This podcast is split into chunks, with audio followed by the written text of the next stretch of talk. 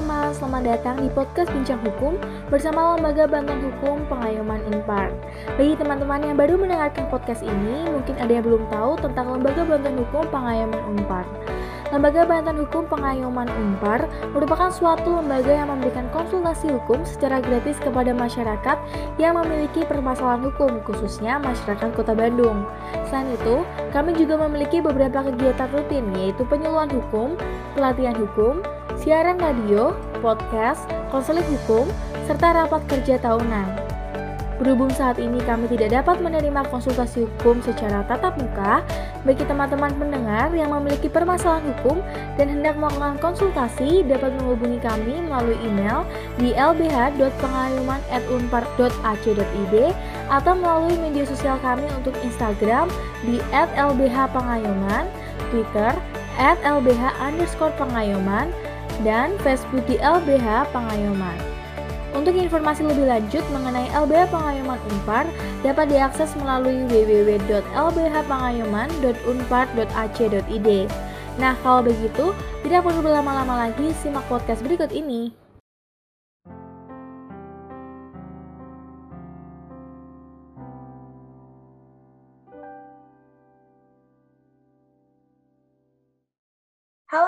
Pendengar, kembali lagi di podcast Bincang Hukum bersama Lembaga Bantuan Hukum Pengayaman Unpar. Kenalin, nama aku Sisil, salah satu relawan dari LBH Pengayaman Unpar. Nah, para pendengar, seperti biasa nih, aku nggak sendirian aja. Ada rekan aku Kalista yang bakalan nemenin aku di episode podcast Bincang Hukum kali ini. Halo Kalista. Halo Sil. Gimana kabar kamu, Kal? Aku baik dong Sil. Kamu sendiri gimana nih? Kabar aku baik juga dong, Kal. Oh ya, hari ini kita mau bahas topik apa ya? Nah, jadi hari ini kita bakal bahas topik yang menarik dan tentunya memberikan manfaat nih Sil bagi para pendengar. Kalau para pendengar bisa lihat dari judul podcast kali ini, hari ini kita bakal membahas mengenai boleh nggak sih sebenarnya mantan narapidana mencalonkan diri sebagai calon legislatif. Nah, Sil, topik ini tuh berangkat dari isu yang sedang ramai lagi nih dibicarakan oleh masyarakat terkait diperbolehkannya mantan narapidana koruptor maju menjadi peserta pemilu 2024 nanti, Sil.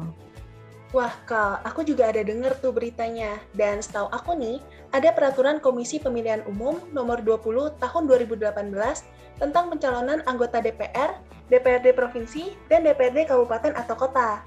Atau selanjutnya aku singkat dengan PKPU nomor 20 tahun 2018 ya. Di mana peraturan tersebut itu sempat melarang mantan koruptor untuk mencalonkan diri sebagai anggota legislatif. Tapi, peraturan tersebut itu telah diuji material di Mahkamah Agung atau selanjutnya aku singkat dengan MA.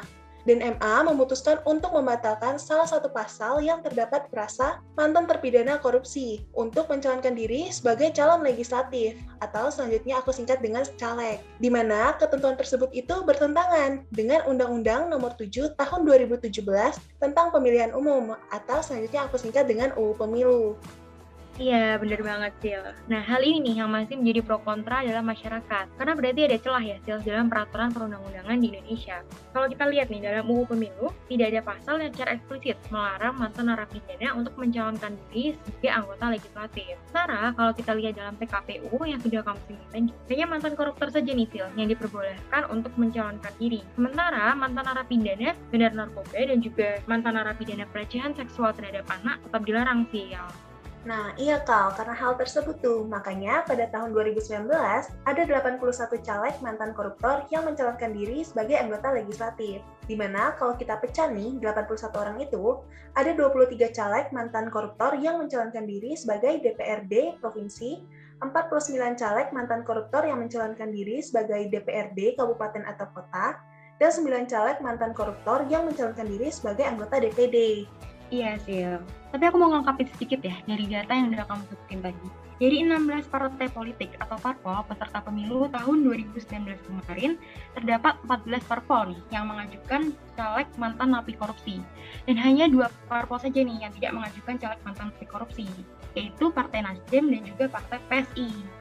Nah, bener banget Kal. Kalau melihat fakta yang ada, berarti kan pernah terjadi nih, di mana mantan narapidana korupsi mencalonkan diri sebagai anggota legislatif. Dan seperti yang kita tahu ya, sebentar lagi kan akan dilangsungkan nih pemilu selanjutnya di tahun 2024. Hal ini nih yang jadi permasalahan di masyarakat, karena masyarakat justru merasa tidak adil jika mantan narapidana korupsi mencalonkan diri sebagai anggota legislatif.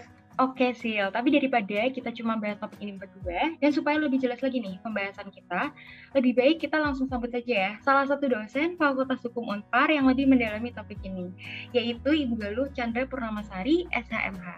Halo Ibu Galuh, bagaimana nih Bu kabarnya? Halo Kalista, Sisil. Kabar saya sehat, kalian juga sehat ya? Iya Bu, kalau saya juga sehat Bu. Baik, baik juga Bu. Baik Bu Galuh, seperti yang sudah kita ketahui ya, bahwa mantan narapidana itu kan diperbolehkan untuk mencalonkan diri sebagai anggota legislatif. Nah, mungkin dari Ibu sendiri, apakah bisa dijelaskan Ibu sedikit mengenai urgensi pembahasan topik kita kali ini? Ya, jadi memang seperti tadi yang sudah disampaikan oleh Kalista dan juga Sisil, bahwa sebetulnya topik terkait dengan bolehkah mantan narapidana ini mencalonkan diri sebagai calon legislatif, itu sudah pernah menjadi suatu isu yang diangkat sejak tahun 2019 ya dan memang di mana itu dilatar belakangi oleh adanya pembatalan peraturan KPU oleh Mahkamah Agung. Sebenarnya kalau kita bisa melihat di dari segi peraturan yang mengatur mengenai persyaratan calon-calon anggota legislatif itu memang sudah diatur baik dalam Undang-Undang Pemilihan Umum ataupun dalam uh, peraturan KPU PKPU nomor 20 tahun 2018 tadi. Hanya memang kalau kita melihat dalam Undang-Undang Pemilu tidak disebutkan secara tegas bahwa mantan narapidana itu dilarang untuk mencalonkan diri sebagai calon legislatif. Kita bisa melihat itu di pasal 240-nya ya ayat 1 khususnya di huruf G. Meskipun memang dalam undang-undang pemilu itu dia mengatakan mengatur bahwa bakal calon anggota legislatif itu harus memenuhi persyaratan tidak pernah dipidana penjara dengan putusan pengadilan karena melakukan tindak pidana yang diancam dengan pidana penjara lima tahun. Namun frasa kalimat selanjutnya itu ada dikatakan kecuali secara terbuka dan jujur mengemukakan kepada pihak bahwa yang bersangkutan mantan narapidana. Nah, frasa kalimat ini yang kemudian menimbulkan berbagai macam penafsiran, termasuk salah satunya oleh lembaga Mahkamah Agung yang kemudian menafsirkan bahwa tidak ada larangan secara tegas bagi mantan narapidana untuk mencalonkan diri sebagai calon legislatif dalam Undang-Undang Pemilu. Berbeda dengan ketika KPU mengeluarkan peraturan KPU PKPU nomor 20 tahun 2018 yang dalam peraturan PKPU tersebut lebih menyebutkan secara tegas dan eksplisit bahwa mantan narapidana yang terjerat kasus korupsi, bandar narkoba, dan kejahatan seksual itu memang tidak bisa diusung oleh partai politik. Hanya kemudian tadi ada beberapa mantan-mantan katakanlah koruptor begitu yang mereka ingin mencalonkan diri sebagai anggota legislatif dan mereka mencoba membawa peraturan KPU tersebut ya untuk diuji terhadap undang-undang dengan alasan bahwa peraturan KPU ini berarti bertentangan dengan undang-undang pemilu karena peraturan KPU ini sudah mengatur norma baru yang tidak diatur dalam undang-undang pemilu dan dia dianggap bertentangan dengan undang-undang pemilu. Nah, sehingga secara ringkasnya pada akhirnya maka lembaga Mahkamah Agung itu melakukan pengujian terhadap peraturan KPU tersebut dan akhirnya putusan dari pengadilan Mahkamah Agung mengatakan bahwa peraturan KPU yang melarang mantan narapidana koruptor bandar narkoba dan kekerasan seksual terhadap anak untuk mencalonkan diri sebagai calon legislatif itu bertentangan dengan undang-undang dan ya tidak boleh diberlakukan. Mungkin kasus secara sederhananya seperti itu. Baik, Bu.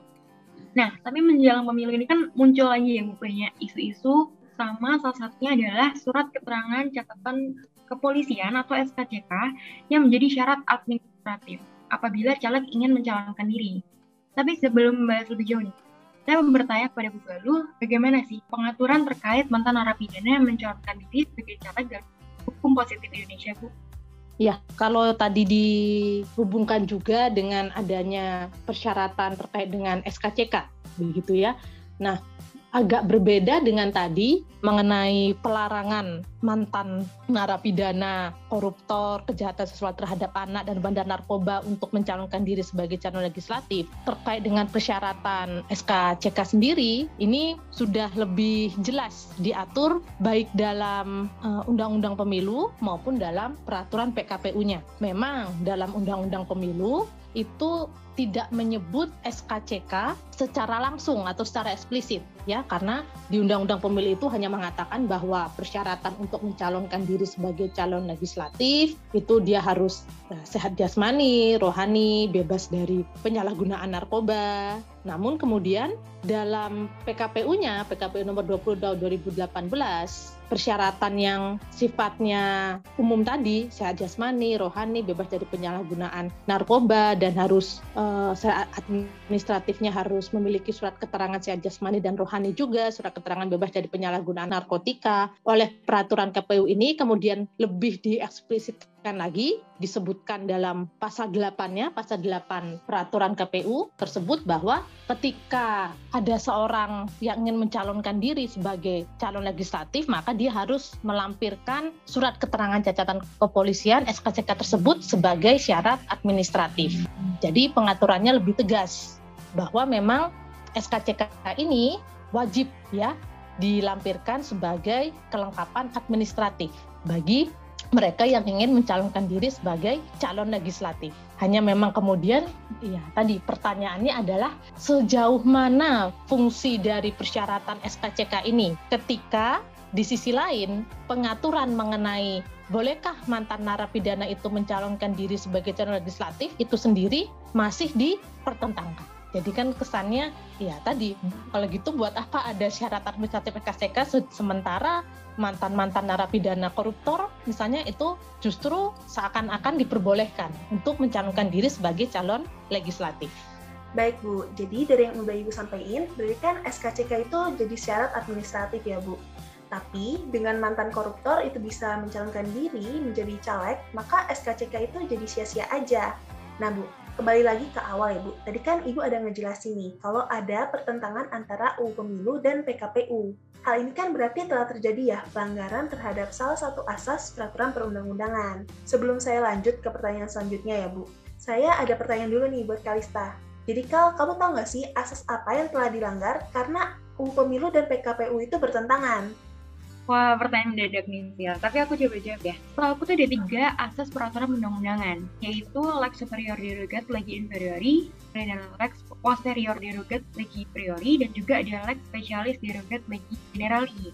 Nah, kalau kita lihat nih, Sil, dari UU pemilu sendiri itu kan kedudukannya lebih tinggi ya daripada PKPU. Oleh karena itu, asas yang dilanggar adalah lex superior derogat legi inferiori, di mana peraturan undang-undangan yang memiliki derajat lebih rendah dalam hierarki peraturan dengan tidak boleh bertentangan dengan yang lebih tinggi. Bener nggak sih? Bener banget kalau jawaban kamu. Karena seperti yang udah kamu bilang tadi, UU Pemilu itu kan kedudukannya lebih tinggi dari PKPU. Dan kalau kita melihat teori hukum nih, peraturan yang lebih rendah itu kan merupakan peraturan pelaksana dari peraturan yang lebih tinggi. Sehingga nggak boleh tuh peraturan yang lebih rendah bertentangan dengan peraturan yang lebih tinggi. Kira-kira begitu ya Bu Galuh? Iya, baik. Jadi begini, memang tadi yang dikatakan oleh Kalista dan Sisil itu memang juga tadi yang saya sampaikan memang menjadi salah satu pertimbangan Mahkamah Agung juga ketika menguji PKPU ini terhadap Undang-Undang Pemilu dengan alasannya mengatakan bahwa PKPU ini melanggar asas-asas dalam pembentukan peraturan perundang-undangan. Namun, hemat saya bahwa ya memang tidak salah ketika dikatakan bahwa PKPU itu katakanlah melanggar hierarki jenis. Tadi yang sudah mungkin Kalista dan Sisil sampaikan sebetulnya ketika dikatakan PKPU itu secara hierarkis katakanlah kedudukannya lebih rendah dibanding dengan undang-undang pemilu. Nah, ketika dikatakan seperti itu, kita memang bicara mengenai hierarki jenis, ya. Dan kita semua sudah tahu memang secara hierarki jenis PKPU itu tidak boleh bertentangan dengan undang-undang. Namun, yang perlu kita lihat sebetulnya adalah dari segi norma yang diatur oleh PKPU maupun Undang-Undang Pemilu. Di mana norma yang diatur dalam PKPU ketika PKPU itu melarang mantan narapidana koruptor, pelaku kejahatan seksual terhadap anak, dan bandar narkotika untuk mencalonkan diri sebagai calon legislatif oleh sebagian masyarakat itu justru dirasa lebih memberikan rasa keadilan. Sementara tadi ketika undang-undang pemilu yang justru dari segi hierarki jenis seharusnya lebih memberikan rasa keadilan. Namun justru tadi undang-undang pemilu tersebut memberi celah ya, memberi celah bagi mantan narapidana koruptor untuk bisa mencalonkan diri sebagai calon legislatif. Dan justru tadi hal ini yang uh, diperkuat ya dengan adanya uh, putusan Mahkamah Agung pada tahun 2018 yang mengatakan bahwa ya yang berlaku adalah undang-undang pemilu PKPU-nya yang diubah Nah, ini yang saya rasa perlu ditelaah kembali ya. Apakah memang PKPU-nya yang perlu diubah mengikuti undang-undang pemilu atau justru sebaliknya? Jangan-jangan undang-undang pemilu itu yang perlu diuji kembali, yang perlu ditilik kembali ketika Undang-undang Pemilu memperbolehkan mantan koruptor untuk mencalonkan diri sebagai calon legislatif. Baik Bu, jadi mungkin sekarang kita bisa lebih persempit lagi ya Bu diskusi kita. Tadi kan di awal saya sempat menyinggung nih Bu mengenai adanya putusan MA, yaitu putusan MA nomor 46P garing HUM garing 2018 yang membatalkan larangan mantan narapidana, khususnya mantan narapidana tindak pidana korupsi untuk mencalonkan diri sebagai anggota legislatif. Nah Bu, saya mau nanya nih Bu, bagaimana sih pengaruh dari putusan MA tersebut terhadap PKPU nomor 31 tahun 2018 tentang perubahan atas PKPU nomor 20 tahun 2018 tentang pencalonan anggota DPR, DPRD provinsi, dan DPRD kabupaten atau kota yang selanjutnya saya sikat dengan PKPU nomor 31 tahun 2018. Ya, jadi memang dengan adanya putusan Mahkamah Agung eh, nomor 46 tahun 2018 itu di mana memang itu menjadi dasar KPU untuk melakukan perubahan terhadap peraturan KPU nomor 20 tahun 2018 ya eh, diubah dengan PKPU nomor 31 tahun 2018. Nah, kalau kita perhatikan perbedaan PKPU nomor 20 tahun 2018 dengan PKPU nomor 31 tahun 2018 di mana dalam PKPU yang sebelumnya nomor 20 tahun 2018 di pasal 4 ayat 3 ya karena pasal 4 ayat 3 PKPU 20 2018 ini yang diminta uji material ya oleh pemohon itu sebelumnya dikatakan bahwa dalam seleksi bakal calon secara demokratis dan terbuka sebagaimana dimaksud pada ayat 2 tidak menyertakan mantan narapidana bandar narkoba, kejahatan seksual terhadap anak, dan korupsi. Pasal 4 ayat 3 ini kemudian diubah tadi ya oleh PKPU nomor 31 2018 sehingga kurang lebih bunyinya itu menjadi dalam seleksi bakal calon secara demokratis dan terbuka sebagaimana dimaksud pada ayat 2 tidak menyertakan mantan terpidana bandar narkoba dan kejahatan seksual terhadap anak. Jadi sebetulnya di sini frasa yang dihapus dalam PKPU yang baru nomor 31 tahun 2018 itu hanya frasa mantan terpidana korupsi. Sementara uh, untuk mantan terpidana bandar narkoba dan kejahatan seksual terhadap anak itu berarti masih dilarang dong. Karena kan tidak dihapus ya dalam PKPU yang baru ya. Atau dengan bahasa lain berarti hanya mantan narapidana korupsi hanya koruptor yang diperbolehkan untuk mencalonkan diri sebagai calon legislatif Nah, pengaruh dari putusan MA ini yang sebetulnya ketika dikatakan dia membawa tadi dengan alasan bahwa PKPU ini bertentangan dengan undang-undang pemilu, di sini juga saya melihat rasanya ini jadi setengah-setengah begitu ya. Karena kenapa kemudian hanya koruptor atau mantan narapidana korupsi yang kemudian diperbolehkan untuk mencalonkan diri sebagai calon legislatif. Sementara untuk tadi mantan terpidana bandar narkoba, kejahatan seksual itu tanda kutip tidak disentuh oleh putusan Mahkamah Agung. Padahal kalau mau konsisten dengan undang-undang pemilu dengan undang-undang pemilu di atasnya, ketika pertimbangan hakim Mahkamah Agung itu mengatakan bahwa harusnya PKPU tersebut sesuai dengan undang-undang pemilu, ya maka seharusnya tidak hanya mantan terpidana koruptor saja kan yang diperbolehkan kalau memang alasannya untuk menyesuaikan dengan undang-undang pemilu yang di atasnya.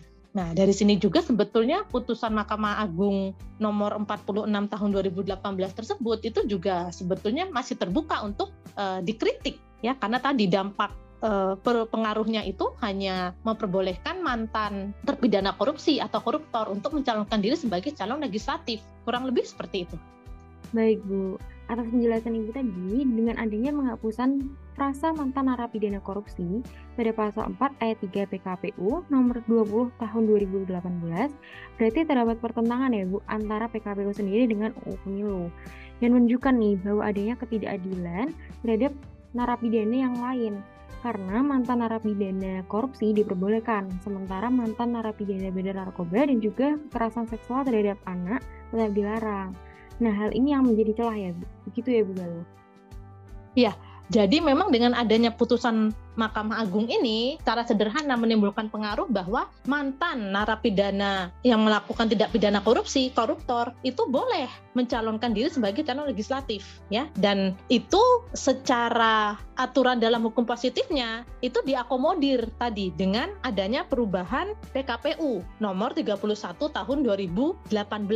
Nah, tapi tadi betul eh, kata Sisil di sisi lain kemudian bagaimana dengan mantan terpidana bandar narkoba dan kejahatan seksual karena pertimbangan hakim Mahkamah Agung itu tidak menyentuh begitu ya atau tidak mengatur secara lebih jelas bagaimana kemudian untuk mantan terpidana bandar narkoba dan kejahatan seksual ini apakah mereka diperbolehkan untuk mencalonkan diri sebagai calon legislatif. Nah, kalau kita lihat dari PKPU nomor 31 2018 yang mengubah PKPU sebelumnya, nah ternyata masih dilarang gitu ya. Ternyata mantan terpidana bandar narkoba dan kejahatan seksual terhadap anak itu tidak boleh mencalonkan diri sebagai calon legislatif. Nah, tadi sehingga betul tadi kata Sisil itu juga bisa dipertanyakan gitu ya. Kalau begitu bagaimana dari sisi kesetaraannya, persamaan di hadapan hukumnya ya?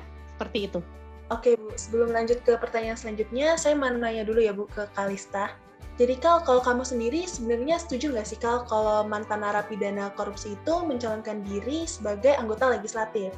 Wah, kalau aku sih kurang setuju ya, Sil. Karena kan seperti yang kita tahu nih, bahwa melakukan tindak pidana korupsi sendiri itu kan sudah merugikan keuangan negara ya, dan juga merampas hak masyarakat. Nah ini nih yang bikin aku sebagai masyarakat umum gak percaya lagi, dan justru ada kekhawatiran nih terhadap mereka kalau mereka ingin mencalonkan diri sebagai anggota legislatif lagi.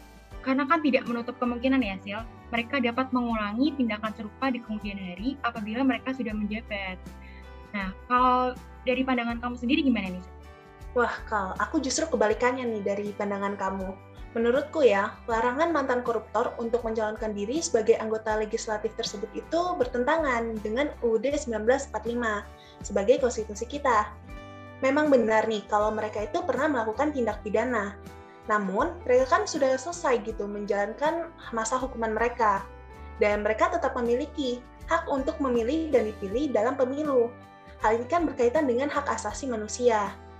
Selain itu, dalam pasal 240 ayat 1 huruf G UU Pemilu, itu menjelaskan bahwa mantan narapidana diperbolehkan untuk mencalonkan diri sebagai caleg dengan pengecualian bagi mereka yang tidak pernah dipidana penjara karena melakukan tindak pidana yang diancam hukuman 5 tahun atau lebih, kecuali secara terbuka dan jujur mengemukakan kepada publik bahwa mereka adalah seorang mantan narapidana. Nah, tapi ya Sil, seharusnya itu kan muncul nih etika politik yang memaksa mereka untuk tidak mencalonkan diri sebagai anggota legislatif. Karena apabila mantan terpidana korupsi diperbolehkan untuk mencalonkan diri kembali sebagai anggota legislatif, hal ini justru memberikan kesan ya bahwa pemerintah itu mengabaikan tindak pidana yang mereka lakukan dan membuka kemungkinan nih untuk mereka melakukan tindakan serupa. Bener nggak sih? Nah, bener banget Kal. Tapi daripada kita bingung nih karena kita berbeda pandangan ya, lebih baik kita langsung tanya aja ke Bu Galuh nih jadi Bu, barusan kan saya sama Kalista ada perbedaan pandangan ya Bu, mengenai pro dan kontra mantan narapidana, khususnya mantan narapidana korupsi yang mencalonkan diri sebagai anggota legislatif. Nah, kalau dari Ibu Galuh sendiri nih, bagaimana sih Bu pandangan Ibu mengenai kebijakan tersebut? Ya, baik. Jadi tadi dari pembicaraan Kalista dengan Sisil, begitu ya, memang e, di satu sisi dari segi etika politik tadi kalau yang disebut oleh Kalista bahwa seharusnya mantan narapidana itu ya seharusnya secara etika politik tidak boleh mencalonkan diri sebagai calon legislatif. Namun tadi di sisi lain Sisil mengatakan bahwa dari segi peraturannya saja itu sudah ya memperbolehkan ya mantan narapidana untuk mencalonkan diri sebagai calon legislatif dan di mana itu juga bisa dilihat dari perspektif hak asasi manusianya, HAM-nya, hak untuk dipilih dan uh, memilih. Nah, namun perlu kita ingat bahwa ketika mantan-mantan narapidana itu kemudian menggunakan alasan hak asasi manusia hak untuk memilih dan hak untuk dipilih sebagai dasar ya, sebagai dasar untuk mereka itu memiliki hak untuk mencalonkan diri sebagai calon legislatif, kita harus ingat bahwa yang namanya hak asasi manusia itu tetap dapat dibatasi. Undang-undang dasar kita sendiri juga mengatur mengenai pembatasan hak asasi manusia dan pembatasan terhadap hak asasi manusia itu diperbolehkan dengan tujuan untuk menghormati hak asasi orang lain.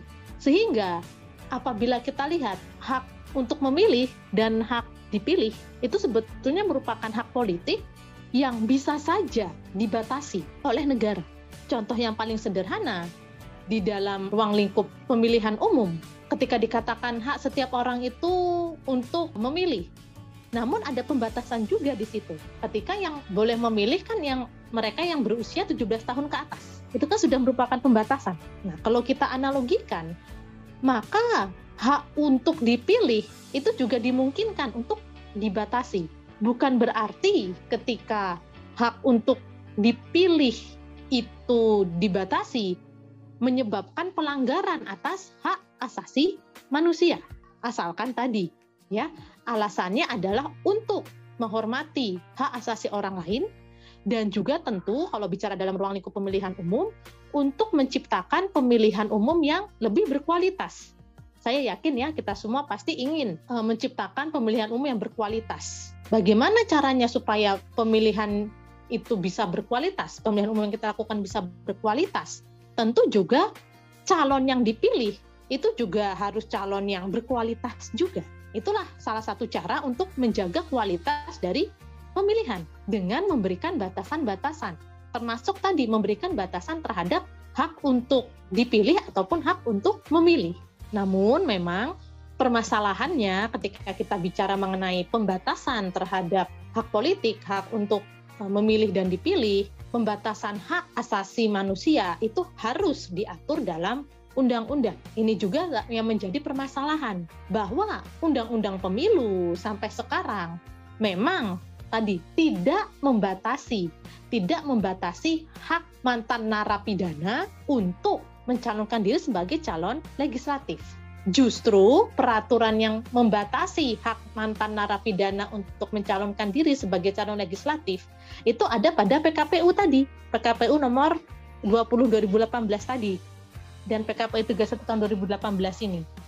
Nah, ini juga tadi yang menyebabkan pro dan kontra. Apabila negara, pemerintah ingin mengambil sikap yang tegas untuk membatasi hak-hak mantan narapidana untuk bisa mencalonkan diri sebagai calon legislatif. Maka yang harus dilakukan adalah aturlah pembatasan tersebut dalam undang-undang. Ini dapat mencerminkan atau membawa ketegasan ya. Ini kan uh, polemik ini kan terjadi karena rasanya tidak ada sikap yang tegas juga kan dari pembentuk undang-undang. Jadi ini sebetulnya mantan narapidana ini boleh atau enggak gitu ya dilihat dari frasa dalam undang-undang pemilu juga kalimat awalnya itu mengatakan tidak dipidana dengan pidana penjara lima tahun atau lebih. Tapi kemudian di belakangnya ada frasa tambahan kecuali tadi. Dia uh, mengumumkan kepada publik. Nah itu kan berarti sudah uh, sudah terlihat gitu ya berarti kurang adanya ketegasan dari pembentuk undang-undang di sini. Berarti kan ketika mantan narapidana itu uh, mengatakan diri, ini loh uh, saya pernah dipidana begitu ya, tapi ya saya sudah selesai menjalankan pidana, jadi ya saya sudah boleh mencalonkan diri sebagai calon legislatif. Nah, ini mungkin saya beri agak sedikit perbandingan ya untuk mungkin kita bisa memperbandingkan dengan putusan Mahkamah Konstitusi terkait dengan kepala daerah, calon kepala daerah yang dari mantan-mantan narapidana seperti ini. Eh, Mahkamah Konstitusi itu juga pernah menguji eh, undang-undang, tapi undang-undang pemilihan kepala daerah gitu ya terhadap undang-undang dasar. Kurang lebih saat itu isunya hampir-hampir mirip lah dengan ini. Boleh enggak kemudian mantan narapidana itu mencalonkan diri sebagai kepala daerah? Di situ memang pada intinya pertimbangan hakim Mahkamah Konstitusi mengatakan ya dengan melihat tadi juga ya atas dasar hak asasi manusia gitu ya namun juga harusnya ada pembatasan terhadap hak asasi manusia, maka bolehlah gitu ya mata-mata narapidana itu mencalonkan diri sebagai kepala daerah. Hanya dalam putusan Mahkamah Konstitusi, mantan narapidana yang ingin mencalonkan diri sebagai kepala daerah itu di, harus ada waktu jedanya selama lima tahun. Jadi setelah lima tahun, ya baru dia boleh mencalonkan diri sebagai kepala daerah. Nah, hemat saya ini mungkin masih lebih agak lebih mending gitu ya, karena lima tahun ini kan sebagai waktu untuk beradaptasi atau katakanlah waktu sebagai mantan narapidana ini untuk membuktikan diri kepada masyarakat ya bahwa apakah dia sudah bertobat atau belum. Sementara untuk mantan narapidana yang ingin mencalonkan diri sebagai calon legislatif, rasanya sepemahaman saya sampai sekarang itu nggak ada waktu jeda lima tahun seperti itu ya saya rasa ya. Nah jadi tidak ada waktu jeda untuk mantan narapidana itu membuktikan diri kepada masyarakat bahwa ya ini loh saya sudah katakanlah berubah gitu ya saya sudah bertobat dan saya berarti ya boleh dong punya hak yang sama dengan yang lain kurang lebih de, dari saya seperti itu Alista dan Sisil. Wah, baik. Cukup mendalam ya, Bu, pembahasan kita dalam podcast kali ini. Tadi kan Ibu sudah menjelaskan nih, mulai dari pengaturan terkait mantan narapidana yang mencalonkan diri sebagai caleg, kemudian dilanjutkan dengan pengaruh putusan MA nomor 46P garing garing 2018 terhadap PKPU nomor 31 tahun 2018. Dan baru tadi juga sudah memberikan nih uh, pendapat mengenai kebijakan mantan narapidana korupsi yang mencalonkan diri sebagai caleg. Tapi sebelum itu Bu, uh, kalau dari Ibu sendiri, apakah ada closing statement nih yang ingin disampaikan kepada para pendengar terkait topik podcast yang kita bahas hari ini? Oke, okay. closing statement dari saya ada dua hal. Pertama, peraturan kita memang memungkinkan untuk mantan narapidana korupsi ya atau koruptor untuk mencalonkan diri sebagai calon legislatif ya dari segi uh, hukum positif kita memang memungkinkan. Namun, nah ini closing statement saya yang kedua adalah perlu adanya peninjauan kembali apakah hak mantan narapidana untuk mencalonkan diri sebagai calon legislatif ini perlu untuk dibatasi. Apabila memang membentuk undang-undang atau pemerintah di sini ingin mengambil sikap tegas untuk membatasi hak mantan narapidana untuk mencalonkan diri sebagai calon legislatif, maka memang yang harus dilakukan adalah harus meninjau kembali uh, undang-undang pemilu tersebut karena pembatasan hak asasi manusia itu hanya bisa diatur dalam undang-undang. Sehingga dengan hal tersebut tidak akan menimbulkan polemik di dalam masyarakat. Mungkin dua hal itu yang menjadi closing statement dari saya. Oke, baik Bu Galuh. Terima kasih ya untuk closing statementnya. Berarti dari yang udah Ibu sampaikan, saya dapat nyimpulin lagi nih Bu, kalau misalkan mantan narapidana korupsi itu memang bisa untuk mencalonkan diri sebagai calon legislatif. Tapi pemerintah juga harus meninjau kembali untuk hak-hak mereka dalam mencalonkan diri sebagai calon legislatif ya Bu. Nah, para pendengar semua, tidak terasa ya, kita sudah berada di penghujung podcast ini. Pertama-tama, saya mau berterima kasih dulu nih kepada narasumber pada podcast kali ini, yaitu Ibu Galuh Chandra Purnamasari SHMH, yang sudah bersedia memberikan informasi terkait permasalahan yang sedang kita bahas di podcast kali ini. Terima kasih Ibu Galuh. Tidak lupa juga aku mau berterima kasih kepada partner aku di sini, yaitu Sisil yang telah menemani aku di sepanjang podcast. Nah, para pendengar, nantikan terus ya podcast Bincang Hukum episode selanjutnya. Sampai jumpa dan salam sehat.